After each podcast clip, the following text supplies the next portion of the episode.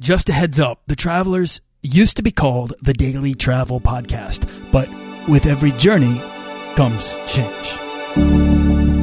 This podcast is produced by Holocene, a community of creative travelers. If you want to get serious about planning that next trip, writing that book, starting that creative project, or launching that business, we're breaking down the barriers between where you are where you want to be together at joinholocene.com. That's join, H O L O C E N E.com. Today, we're exploring Kristin Addis's decision to leave her job in finance for a life of travel. Do you want to travel further and more often to visit new places and meet new people and expand the role that travel plays in your life? I'm your guide, Nathaniel Boyle, an explorer that wants to help you get out, see the world, and find meaningful, life changing experiences. Everyone wants to be adventurous and have great stories, to do the stuff of legend. This is the Daily Travel Podcast. Now, before we dive in, if you want to get started earning frequent flyer miles or points to travel for as close to free as possible, then you can head on over to dailytravelpodcast.com and sign up for the weekly newsletter and get my book, The Beginner's Guide to Points and Miles, completely free.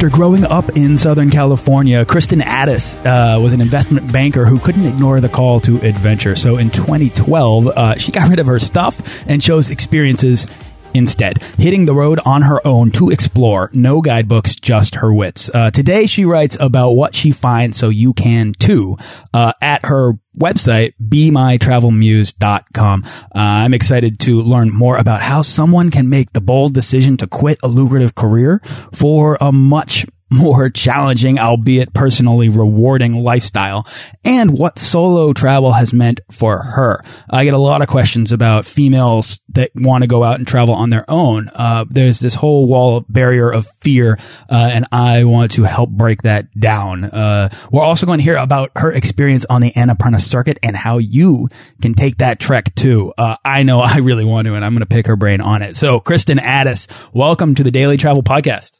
Thanks for having me. Awesome. So where are you right now? I'm currently in Berlin, Germany. Berlin. Awesome. Is this your first time there? Uh, it's not my first time. My first time was in October, but it was only for about three, four days. And now I've been here for two months. I just applied for the freelance visa because I would love to make this sort of my new base. I love that. You know, Berlin is becoming one of uh, a handful of spots that is attracting more and more people to go and set up shop. And that's kind of the, whether that's the digital nomad type or it's the travel blogger type or it's just the, the, the freelancer who wants to support a life of travel, um, which I think might be your case. I'm hearing more and more about Berlin. What's attracting you to Berlin? I mean, there's so many artists here because that visa is available. And it's just one of those cities that is so complex and multi-layered. I mean, some cities you pop into and you kind of get to know it after a few days. That is not the case with Berlin. I think you could be here for years and still discover all kinds of new and crazy things that'll just blow your mind. And it seems to be the place where things are happening. So yes, you're correct. There are a lot of travel bloggers uh, sort of putting down roots here. Nowhere near as many as are in, you know, Chiang Mai, for example, or Eastern Europe. But um, those of us who are freelancing and kind of able to make it over here, um, we're really happy to be here because it fosters all kinds of creativity. That's cool. Yeah, I've heard that there's a. Uh, I mean, I haven't seen it. I've just read about the tech scene there. It's kind of the um, maybe the tech incubator space of Europe, um, the largest one. Uh, there's also a lot of culture. There's a lot of food. There's a lot of art, um, and, and a lot of creativity, as you say. Um, so I'm not surprised to hear this. this. These are kind of all the things that keep percolating up on this show about that city. I'm looking forward to seeing it. Um, Kristin, so I, uh, uh, gave a very general overview of who you are, uh, but if you could just take a moment and introduce yourself, tell us who you are and how you got started traveling.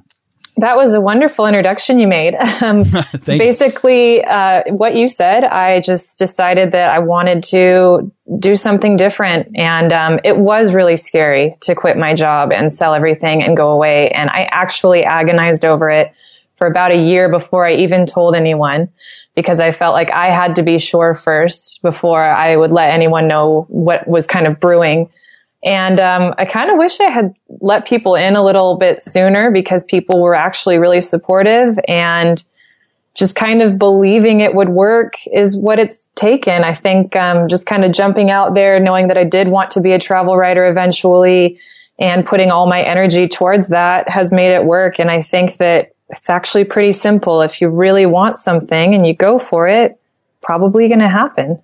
Yeah, you know, Kristin, being an investment banker uh, signals to me two things. One, you probably worked very hard to get there, and two, you were probably making good money. Uh, and I'm wondering, did you feel that the commitment to the career and the salary that you were earning that you were earning at the time, did those things make it harder for you to step away? Yeah, I mean, both of those things are pretty true. Um, it, it, well, actually, it was my first job out of university, so um, I, I, felt like I got pretty lucky with that. But the thing is, as far as money goes, yeah, it was a, a very well paid position, but I just I kept stockpiling money basically and not spending it because I just I'm not a big spender and I didn't know like what to spend it on. I wanted to use it to travel. It's funny, you're working all the time, so you don't have time to spend it. And I just felt like, well, I think I'm going to use it on a leap of faith. And I wrote a post recently about sort of how I afford to travel and I revisited all of my expenses and I realized that I don't feel that much poorer now because I just have been able to do without certain things and I don't miss them. So how does a scale that's weighted so heavily on one side, you know what I mean? Like with, with wealth and with career and uh, with lifestyle at home, how does that tip to the other direction? You know, where did this uh, call to adventure come from for you? I've always wanted to travel. I can't think of a time when I didn't. I mean, when I was a kid, I would play like travel related video games like Civilization and Amazon Trail. I love Civilization. I know. it's an awesome game. It, or at least it, it, was a, you know, back when there weren't really a lot of other options. And, um, I mean, I even used to check the weather channel online and just type in like different cities and places that seemed really remote and far off to me just to see what the weather was like there. I just, this was before the days of Google. So we didn't That's really. so beautifully nerdy. I love it. yeah, I'm definitely nerdy. but you know, you couldn't just Google Kathmandu. It, it, like Google wasn't around. There wasn't a way to find this kind of information that's available now. So that's what I did. Were you and, just inherently curious as a young person? Yeah, I was. And I never got to travel internationally actually until I went on my own at age 20. And then ever since then, it's just been kind of an ongoing thing. But I just, um, I can't think of a time when it didn't intrigue me. Were you watching anyone else travel at the time when you were young? My grandmother was always pretty well traveled. And, but you know, I, for some reason, it doesn't stick out to me that I was aware she was traveling or jealous of it. I think she might have done more of it before I was born, but she's a very well traveled lady. Yeah. I mean, it doesn't have to be this thing. Some people have come on here and said, it was a movie. you know, it was a movie that they saw when they were like eight years old and they were like, I want to go and do that. And, uh, it doesn't have to be anything more than that. Um, and I, I, think it's really interesting when someone comes on and just says, I was just naturally curious. I wanted to know because so many people also don't get started traveling until their late twenties or thirties because they, they don't ask the questions. They're not inherently curious until they get out there. And then once they, once they surround themselves with foreign and new experiences, curiosity kind of boils out of them and then the questions start appearing. And once well, you can only answer a travel question with another question. Uh, oh so, so, true. Right? I mean i think that's i think that's so cool. So that's really interesting. All right. So so you're an investment banker. You uh, you've just always wanted to travel and then something inside of you what made the big like what changed your mind? What pushed you over the edge?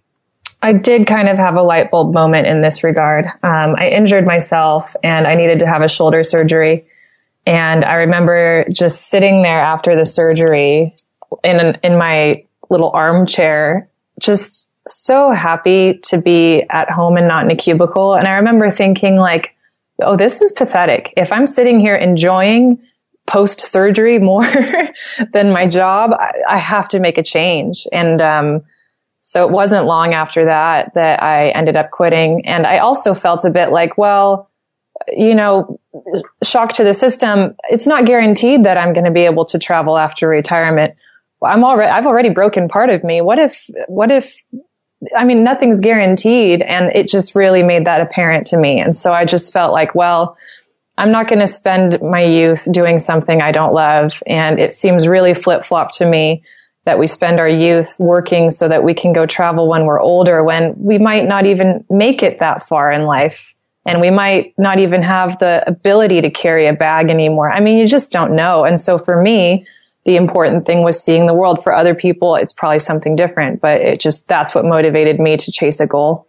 Sure. I mean, it's sort of that proximity to mortality simply because you were, I mean, shoulder surgery is debilitating. That's debilitating surgery. I'm guessing you were probably like, people were helping you. You couldn't, you couldn't get up and move around very well. Oh yeah, absolutely. I could, I was completely dependent on my family who were absolutely lovely and made it the best experience something like that can be. So I'm so glad that I had them around, but yeah, it took a full year to fully recover. It was brutal. Wouldn't wish it on anyone. Wow. So a full year, were you out of the office for that full year or were you uh, doing PT and kind of devising your escape plan?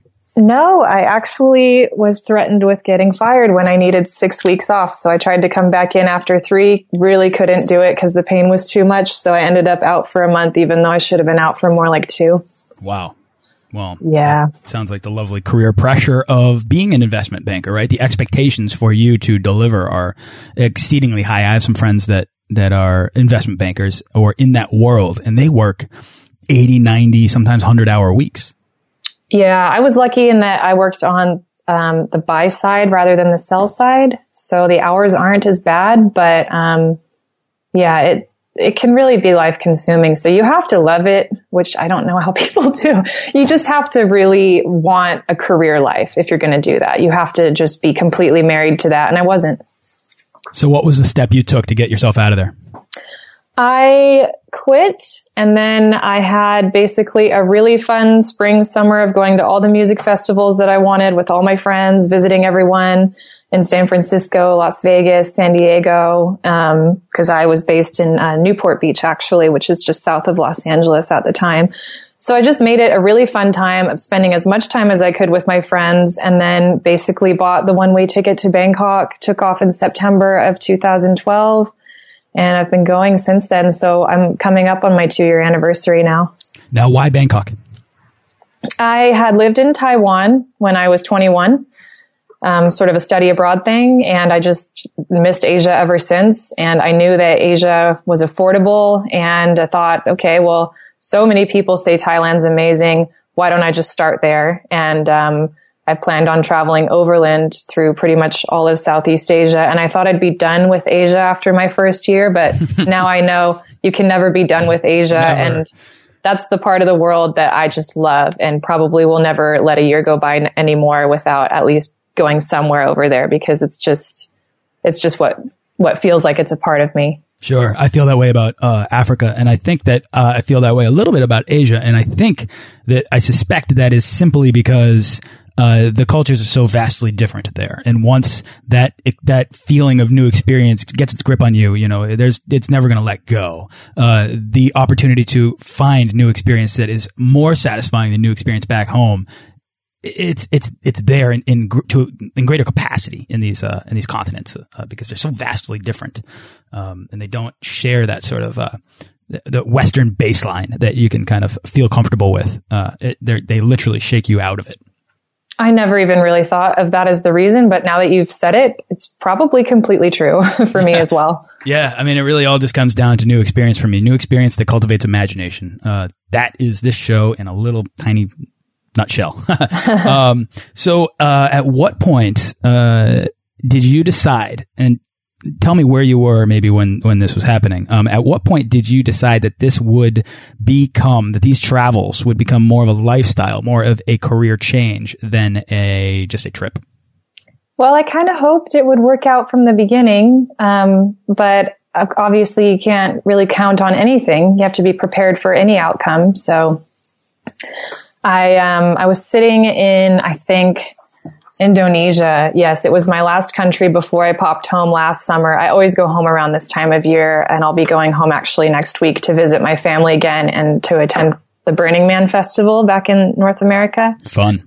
So I was, it was around this time last year that I was thinking, okay, I've been traveling for about 10 months straight now and I am so not ready to go back to a normal life back home I'm so glad I don't have to because I had started making some money from my blog. And I just remember feeling just this overwhelming feeling of I am not done. And I knew that if I had to go back and kind of go back to my old life, it, it would have just really been something like a hard pill to swallow. And even now it would be, I just, as much as I love California and it's home, it just doesn't feel like the right place for me right now. Was there a specific moment or maybe an experience on the road that really just pushed you over the edge and, and that convinced you that uh, you were not done? I like that. You know, I mean, I, I like the way you put that. I like the, the, the simplicity of that statement. And um, I'm wondering, what was it? What was the thing that changed your mind? I think it's a series of things, but really what happened was um, in the beginning, um, I think for most people in the in the very beginning, when they do something like I did, make such a radical change and start traveling, and it's really good for them. Um, for me, that was the case. From Bangkok, I headed straight into Cambodia, actually, and um, Cambodia is still um, probably one of my favorite countries, if not my number one.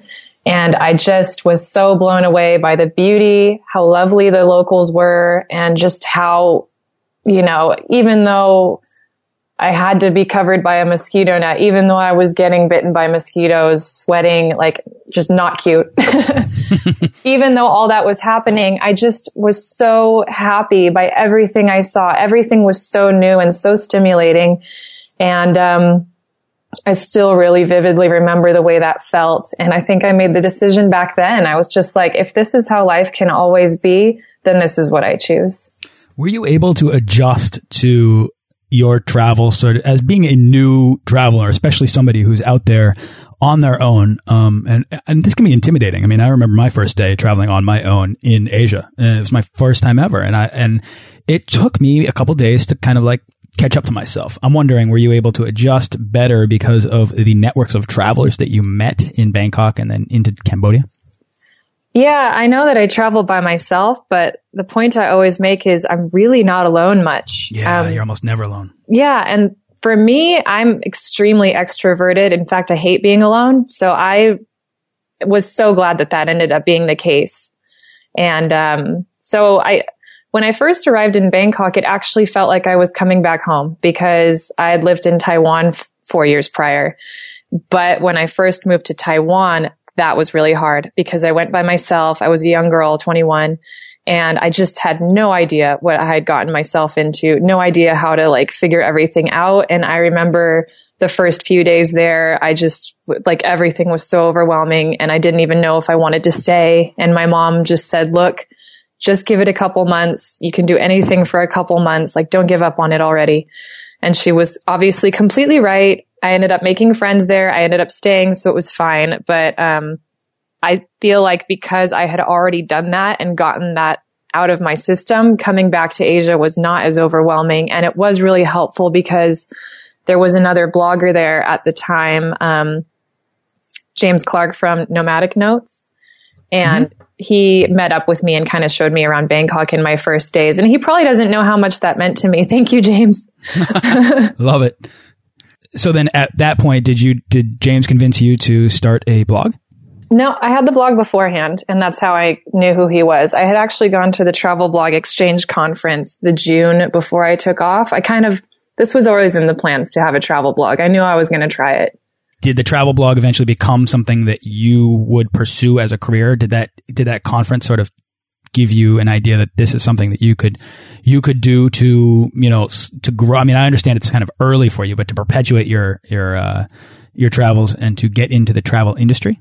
That was always the intention. Even before I went to the conference, um, I had seen that other people were making a living off of their travel blogs, and I now realize how darn hard that is to do. Yeah. But at the time, I thought, well, you know, if if they're doing it, I should just give it a shot.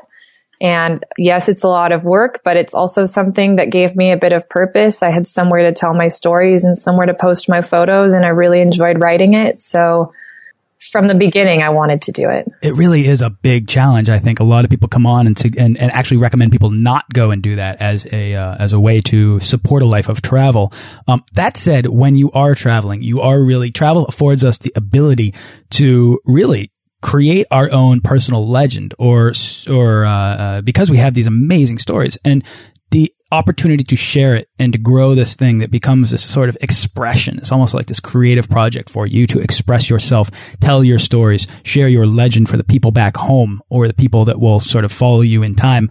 I, I mean, I think it's a really great thing. I loved just looking around before this interview. Your your websites, your photo, your articles, they're compelling content and they tell a rich story. So you're oh, doing a great you. job with it, I think. and um, yeah, definitely. And uh, uh, so I think that's I think that's really cool. So all right, so let's take a step back. Then tell me in the past couple years, you know, you've you've kind of made these decisions. You found yourself in Cambodia. Um, tell us where you've been since then, and um, you know what's come from that for you personally. Okay, the list is long, so yes, okay. I'll go chronologically. Okay. Um, Cambodia, Laos, Thailand, um, over to Australia, and then New Zealand, Malaysia, Indonesia, and then I went back home for a bit. And then I came out to um, Italy, Ireland. I popped over to Berlin. And then let's see, after that, I lived in London for about a month. And then I went back to Thailand. And then from there to the Maldives, Sri Lanka, over to the Philippines, Vietnam, and then I spent two months in China hitchhiking through. And then I went over to Nepal to trek the Annapurna circuit. And then I went back to Thailand just for a couple weeks and flew up to Berlin where I am now. Beautiful. I mean, that's what a, what a journey. And so have you ever, I mean, somebody might be listening to this who wants to travel, wants to get out and take that first trip, or somebody might be on the road you know, with uh, a couple countries in mind, taking a, a, an extended trip. That said, all of that kind of sounds possibly exhausting to some people. Um, yeah. Do you ever do you ever get travel fatigue, or are you kind of, are you just inspired to continue? Absolutely. So my first year, I didn't. I loved waking up and feeling like, oh, I don't know what's going to happen today. I, I loved the uncertainty, but after the first year, um, I started to get really tired actually in the Philippines, and I that was only in December and I still had all these plans to go to Vietnam and China and Nepal. And I didn't want to change anything. I wanted to keep going. But one thing, and I've written about this at length actually on my blog, um, that is really hard for me is the lack of long term friendships and relationships. I mean, it's really impossible on the road when you're constantly moving. I never spent longer than, I mean, I spent one month in London and otherwise probably no longer than a week or maximum two, and that was rare anywhere. So um, I did really I, like I was in love with the movement, but the reason why I'm so happy that I like Berlin and that it's possible for me to get a visa here is because it really is time for me to pause a little bit and. Um, I do want to still come back to Asia and maybe even check out parts of Africa since I've never been to that continent definitely want to explore Europe more, but I don't want to live out of a backpack right now. I'm probably going to start to get the anxiety shakes in six months and want to leave again. I don't know. You've been listening to the first part of my conversation with Kristin Addis about her life of travel. Tune in to the next session for part two, in which we'll follow her journey trekking the Annapurna circuit in Nepal, how to prepare, and how you can go there too. Thanks for listening to this episode of the Daily Travel Podcast. For show notes and links to everything in this episode and more, head on over to dailytravelpodcast.com. Join our Facebook page of explorers and subscribe to our newsletter for the best deals and resources to help make your next trip life changing.